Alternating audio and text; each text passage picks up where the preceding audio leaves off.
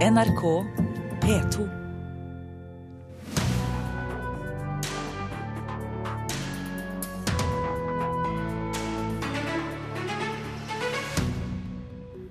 Et uh, uskyldig suvenirkjøp på sydenferie kan ende med to år i fengsel, advarer tollvesenet og Økokrim. Verneverdige kunstskatter fra Syria selges til uvitende turister i Tyrkia.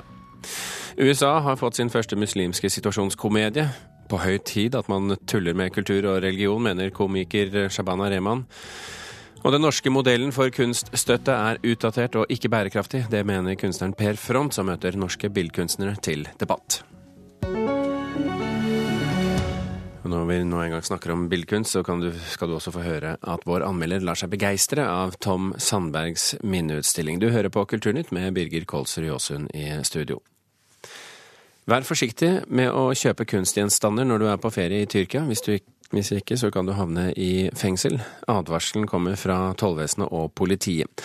På Dagsrevyen i går kom det frem at flere tusen år gamle kunstskatter blir smuglet ut av Syria og solgt til turister og samlere i Tyrkia.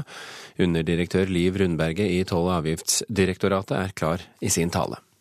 Jeg advarer norske turister med å ta med seg eh, ting som kan være ulovlig både å ta ut av Tyrkia og ta med seg inn til Norge. Flere tusen år gamle kulturskatter fra Syria kan være i omløp i Norge. I Dagsrevy-reportasjen forklarer en mellommann hvordan verneverdige syriske kulturminner blir smugla inn i Tyrkia og solgt til turister og samlere. Steinmosaikk, mynter og skulpturer.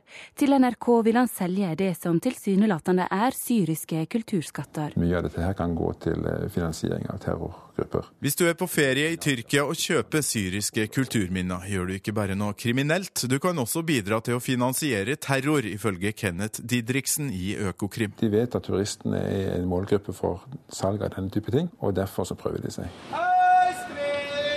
Pengesterke nordmenn kan være et lett bytte for dem som vil selge ulovlige kunstskatter. Og hvis du lar deg friste til å gjøre et kupp, kan det føre til fengselsstraff og bøter. Har du kjøpt, er du ansvarlig, sier underdirektør i Toll- og avgiftsdirektoratet Liv Rundberget. Uansett om man eh, ikke visste, så er det allikevel vedkommende som blir ansvarlig for å ha gjort noe ulovlig. Der ligger det da en eh, strafferamme på ett år, muligens to år hvis det er alvorlig og selvfølgelig da bøtestraffer i tillegg. Hvis man skal være sikker på at dette er en lovlig vare, så bør man eh, kontakte eksempelvis tollvesenet i det landet man, man, er i, for å høre om dette er en vare man kan ta med seg ut. Dagsrevyen har eh, møtt en av mange mellommenn. Det er ikke noe nytt. Det har pågått utrolig lenge. Og det tragiske er at det ikke er reagert på det for lenge siden. Aksel Mykleby er leder i Blue Shield Norge, en internasjonal organisasjon som jobber for å forebygge ødeleggelser på kulturarv i væpna konflikter.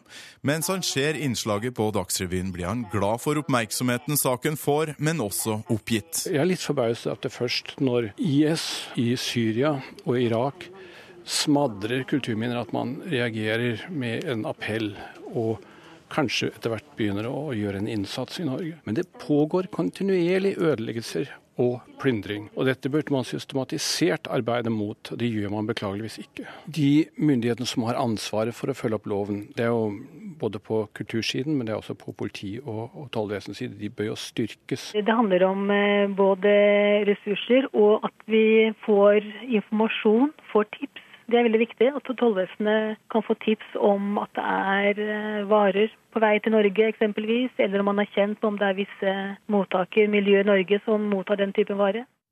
Det sa Liv Rundberget i Toll- og avgiftsdirektoratet. Reporter her, det var Tarkil Thorsvik. Kristoffer Prescott, professor i arkeologi ved Universitetet i Oslo, velkommen til Kulturnytt. Takk.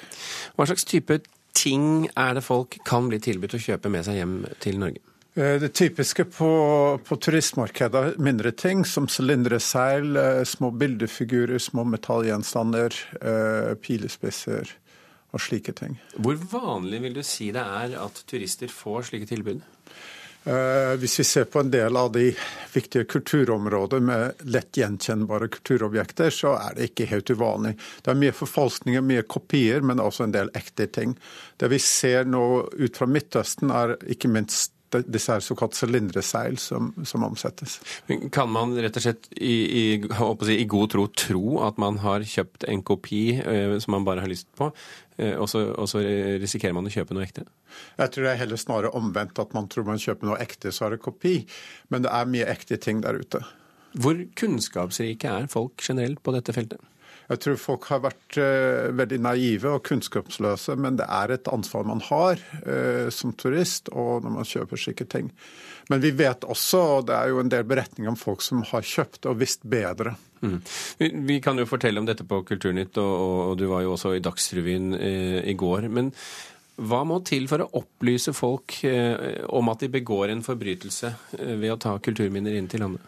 Det har vist seg ganske vanskelig i den flom av inf ulike informasjoner som kommer mot folk. Da. Og Tollvesenet har faktisk kjørt en del kampanjer de siste ti årene, og politiet.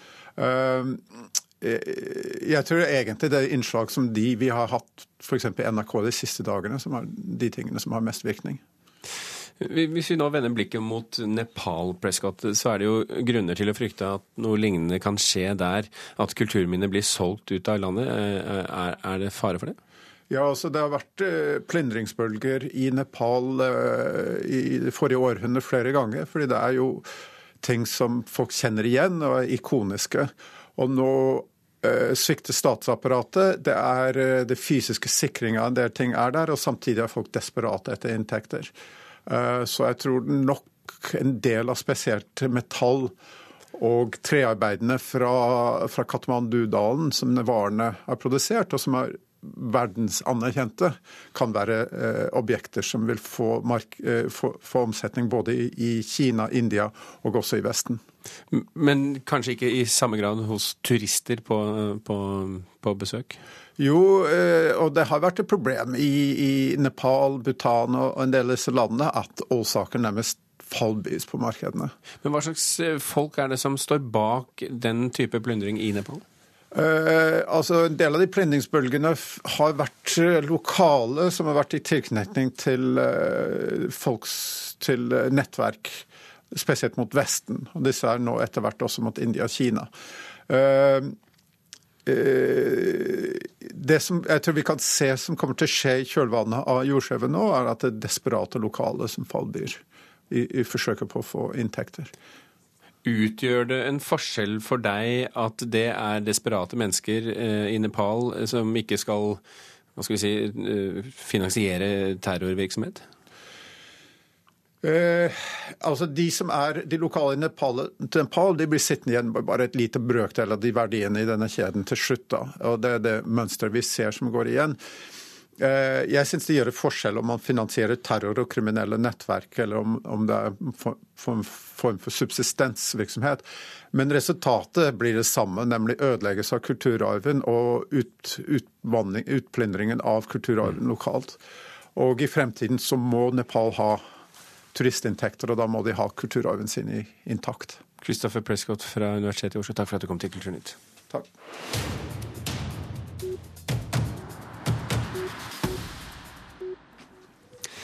Den norske modellen for kunststøtte er utdatert og ikke bærekraftig. Det skriver billedkunstner Per Front i en kronikk i Aftenposten i dag.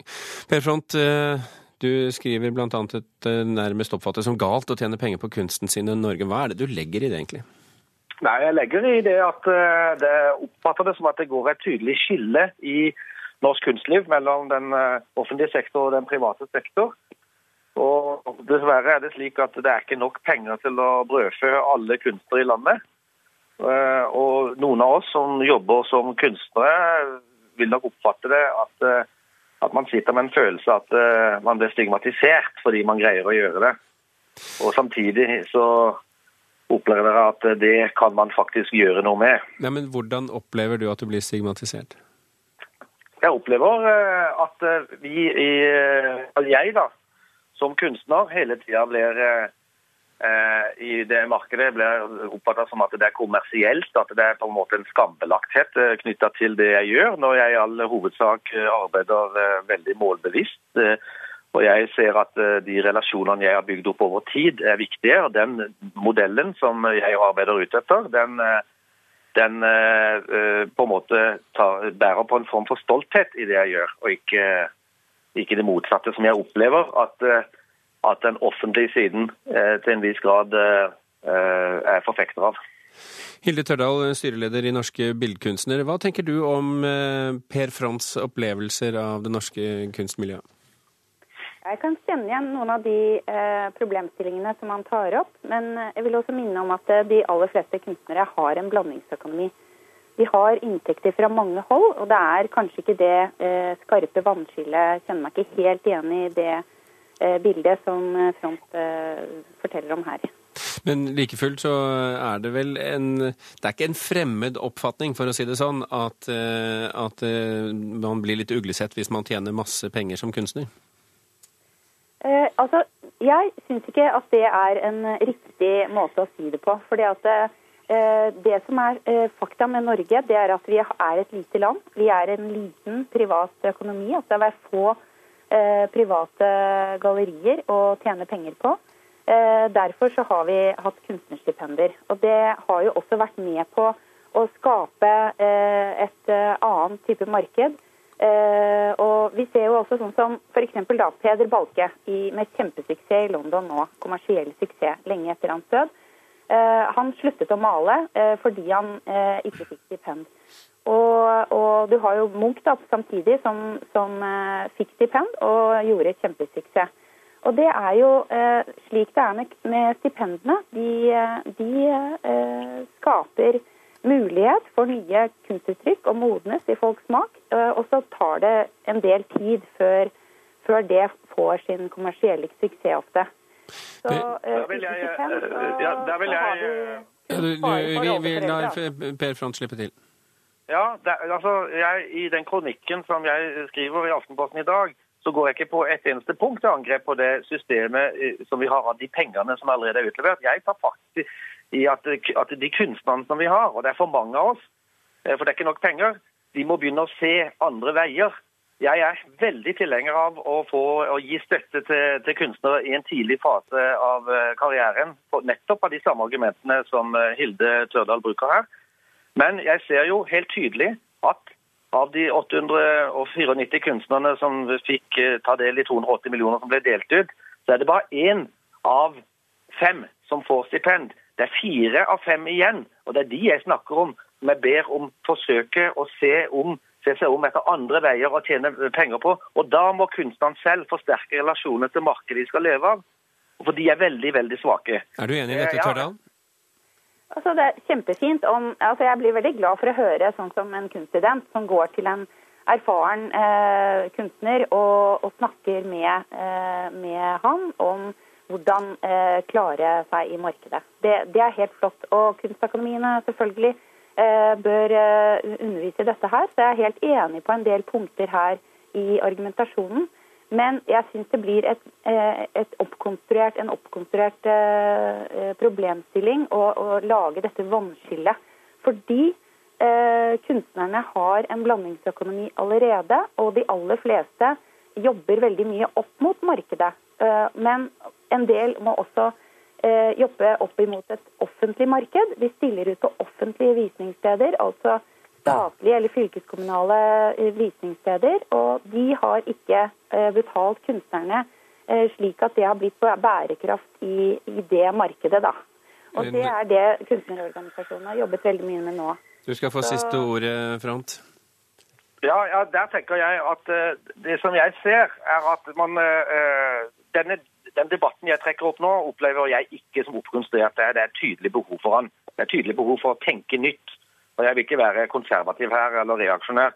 Men altså, en, det er en intens nedgang i inntekter til, for kunstnere, det ser vi. Men samtidig, siden i perioden 2006 2013, så er antall kunstnere økt med over 30% Og Da sier det seg sjøl. Her må det inn med penger.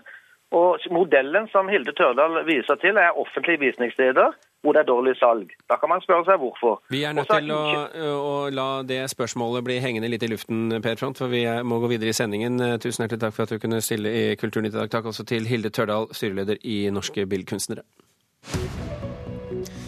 Klokken har allerede blitt eh, snart 18 minutter over åtte. Du hører på Kulturnytt, og dette er toppsaken i Nyhetsmorgen nå.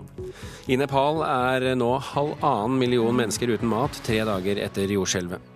Det er erklært unntakstilstand og portforbud i den amerikanske storbyen Baltimore. Grunnene er eh, voldsomme opptøyer i byen i natt, der minst 15 politifolk er skadd i gatekamper mot demonstranter. Og allerede neste uke kan det komme et nytt rentekutt fra bankene, tror eksperter.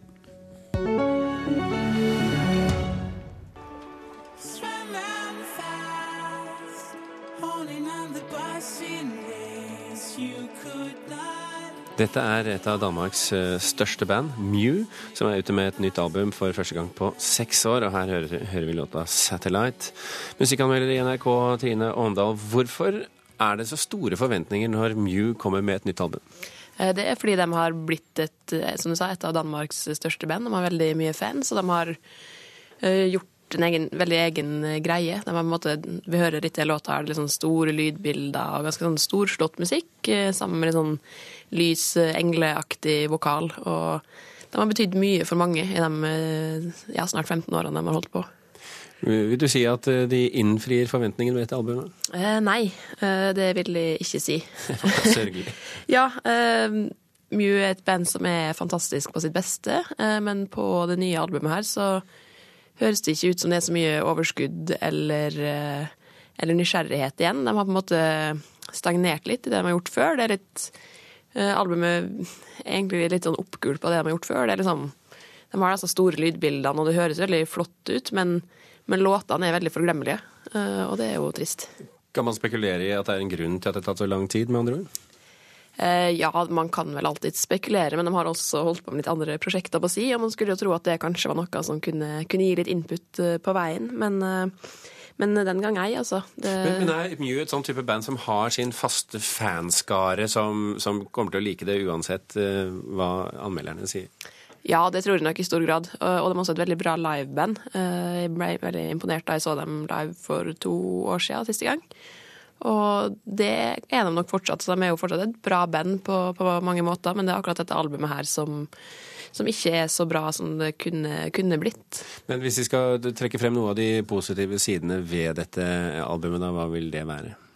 Uh, nei, det er jo at Mew fremdeles har, har egenart, og ja, nei, de, altså, de, de, er jo gode på det de gjør, men låtskrivinga virker som den har kommet litt i andre rekke på den uh, utgivelsen her. Tror du at de kommer til å fortsatt ha en høy stjerne hos mange? Ja, det tror jeg nok. Uh, det har vært delte meninger om dette albumet også, og jeg tror nok fansen er fornøyd, for de har fått, fått et nytt album med Mew. og det er vel kanskje det folk har venta på. Men er det ikke sånn det er litt eh, med en del sånne eh, band som har, eh, som har en klassiske fanskarer, at de blir likt uansett? Ja, så godt som i hvert fall. Man har i hvert fall ganske stort Eller ganske frie tøyler når man har så lojale fans som, som dem har. Vi, eh, vi, har bedt deg plukke ut en låt som vi kan høre litt mer av. Hva, du har, eh, hva, hva, vil du si om den 'Water Slides' som vi har ja, liggende klar? Det er faktisk min favorittlåt fra det nye albumet. Eh, for det er jo ikke sånn at alt på albumet er katastrofalt dårlig, det er bare litt kjedelig. Men denne, denne syns jeg er fin. Den er litt roligere enn mye annet. Den er ikke så påtrengende bombastisk og skal tvinge deg til å føle veldig mye hele tida. Men uh, den er litt roligere, og den trekker linja til eh, 'Comforting Sounds', som er en veldig stor og bra låt fra det første albumet deres. Dette er altså Waterslides av bandet Mew.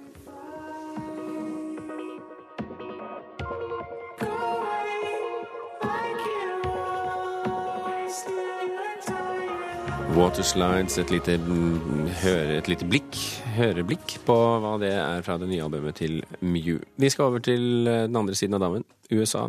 De har nemlig fått sin første muslimske situasjonskomedie, og den har fått navnet Halal in the Family. Og komiker eh, Asif Mandi, eh, kjent fra The Daily Show, han så seg lei på at muslimer alltid blir fremstilt som terrorister i TV-serier, og så vil han med denne nye eh, komiserien bryte ned den type fordommer. Norske komikere de lar seg imponere, de, men mener det er lenge til vi får en lignende serie i Norge. That is terrible. We are not Sikhs. Asif, I don't think that's what makes it so terrible. Fine, but if you're going to stereotype us, at least get it right. We don't wear turbans. Det er forferdelig, vi er da ikke sikher. Hvis du skal gjøre narr av oss, må du i hvert fall bruke riktig stereotype, sier faren i den muslimske familien Cosby til datteren som kommer hjem fra skolen og forteller at hun har blitt mobbet. Scenen er hentet fra USAs første muslimske situasjonskomedie, som har fått navnet Halal in the Family.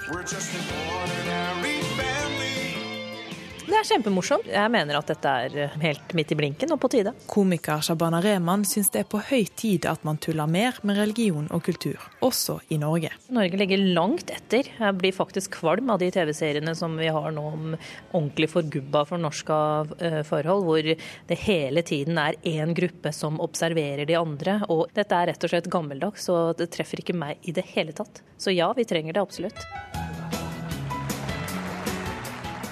Serien, som foreløpig bare kan ses på internett, foregår i en enkelt innredet stue og handler om en tradisjonell familie med mor, far og to tenåringsbarn. Den har mange likhetstrekk med tradisjonelle situasjonskomedier som The Cosby Show, som også har inspirert etternavnet til familien The Cosbys. Jeg syns det var en morsom serie. Jeg ble underholdt. Det var en artig vinkling på innvandrertemaer som kan være litt bestemte.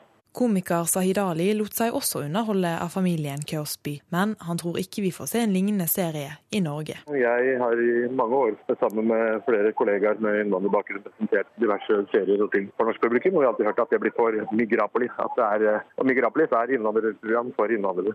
Det mener Reman er synd, og hun håper situasjonskomedien fra USA vil inspirere norske serieskapere til å tulle mer med religion, kultur og fordommer. Det nyanserer bildet man har av de fremmede. Man blir bedre kjent med hverandre, og så ufarliggjør man. Og man normaliserer folk, ikke sant. Så at man er mennesker, tross alt. Og da er humor en veldig effektiv og bra måte å gjøre det på. Du hørte Shabana Rehman til slutt her, og reporter her det var Ingvild Fjelltveit. Vi skal uh, snakke om kunstneren Tom Sandberg, for i en tid da fotografier på sett og vis har blitt det dominerende kulturuttrykket, i hvert fall hvis vi tenker, oss, uh, tenker oss at alle går rundt med et akseptabelt godt kamera i lommen eller vesken. Da blir det en del, til som, en del som skal til for å nå frem med fotoutstillinger. I hvert fall hvis, hvis fotografen tenderer mot det stillfarende og det fargeløse. Vi skal likevel eh, til en utstilling som viser bildet av Tom Sandberg på Kunstnernes hus i Oslo. Mona Palle Bjerke, kunstkritiker her i NRK. Før vi konkluderer med hvorvidt Sandberg sine bilder tåler møtet med, med den moderne bildekulturen, skal vi begynne i den andre enden. Hvem var han egentlig? Altså, Tom Sandberg han var jo, altså er jo eh, en av våre aller største fotokunstnere. Han døde jo for litt over et år siden, men lever jo videre gjennom disse udødelige bildene sine. Han eh, kjempet for fotografiets plass på en veldig trang, maleridominert eh, norsk kunstscene på 70-tallet, og var også med å starte Fotogalleriet, som frem til i dag har vært en veldig viktig arena for fotobasert kunst. Så han er en viktig pioner for norsk fotokunst kunst. Hva får vi se på Kunstnernes hus? Ja, altså, han har jo dette, disse svart-hvit- analoge svart-hvitt-fotografiene med preg av teknisk perfeksjon. Han er opptatt av virkelighetens detaljer, det å fryse fast et øyeblikk i tiden som er vakkert eller underlig. Eksempel er det et bilde som viser en papirpose fylt med luft i sekundene før den blåser av sted, eller ringer av regn i en sølepytt. Ofte er det også fraværet av et objekt mer enn objektet selv. altså for speilingen av en mannsskikkelse i en sølepytt, eller refleksjonen av et ansikt i et vindu. og Slik kan bildene hans av og til bli nesten abstrakte. Men hva forteller de, da? Altså, han er veldig opptatt av å vise mer enn å fortelle. Han unngår fortellinger. så Han, han vil ikke at bildene skal være litterære. F.eks. et av mine favorittbilder, som også vises på utstillingen, viser bakhodet til en liten pike. Hun er kanskje sånn fire år gammel og hun har hodet liksom lett bøyd eh, fremover. Og dette bildet vekker ikke spørsmål til hvem er hun, hva har hun opplevd, eh, hva føler hun? Men det handler om eh, sjatteringene i det lyse håret, den skjeve linjen som danner skillen mellom de to museflettene, da, som strutter ut av hodet som to sånne blonde fontener, og som tegner seg klart mot den mørke jakkekragen. Så han fråtser i fotografiets muligheter i dette gråspekteret fra kritthvit til eh, svart. Nå, nå har utstillingen fått navn Diptyk, og tar jeg ikke feil, så betyr det noe i nærheten av to bilder som står uh, mot, mm. uh, mot, hverandre. Uh, det er altså en to, litt sånn todelt utstilling for de som så på Dagsrevyen for noen dager siden. Altså det innadvendte og det utadvendte. Er det en god måte å, å kuratere utstillingen på? Jeg syns dette er litt, et litt kunstig skille i et veldig helhetlig kunstprosjekt. Man forsøker å vise da noe man ser som en kvalitet både hos kunstneren selv og i kunstnerskapet, det innadvendte versus det utadvendte. Jeg, jeg, det gikk meg litt hus forbi, rett og slett. Jeg bare opplevde styrken i Tom eh, Sandbergs eh, prosjekt, og var ikke så opptatt av denne, denne delingen. Men, så, men, så, hvis vi skal nå en konklusjon sånn på slutten her? Ja, så syns jeg jo at de, det som er fint, er at eh, kuratorgrepet er forsiktig og tilbakeholdent. At man lar dette veldig sterke prosjektet stå for seg selv. Tom Sandberg var jo en kunstner som ikke satte titler på bildene nettopp for at det verbale ikke skulle forstyrre. Så det ville kanskje være litt rart å ha en veldig idétung litterær ramme rundt et kunstprosjekt. La oss helt kort til slutt bare, er, er det, Tåler han den moderne bildekulturen? Er han uh, fremdeles relevant der? Jeg syns kanskje nettopp det gammelmodige gjør at disse bildene har sterk appell med en veldig melankolsk klangbunn, fordi de viser til en billedvirkelighet som langt på vei er tapt. Mona Palle Bjerke, du skiller deg litt fra Lars Elton i Dagsavisen i dette spørsmålet om eh, Tom Sandbergs utstilling. Du møter ham i debatt i Kulturhuset i dag klokken 13. For de som har lyst til å vite mer om det, så er det bare å skru på radioen da. Kulturnytt er i ferd med å, runde av. Vi har hørt i dag at du skal være forsiktig med å kjøpe suvenirer hvis du på, drar på ferie til uh, Tyrkia. Marianne Myhrol, Vidar Sem og Birger Kolsrud Aasund takker for følget. Hør flere podkaster på nrk.no podkast.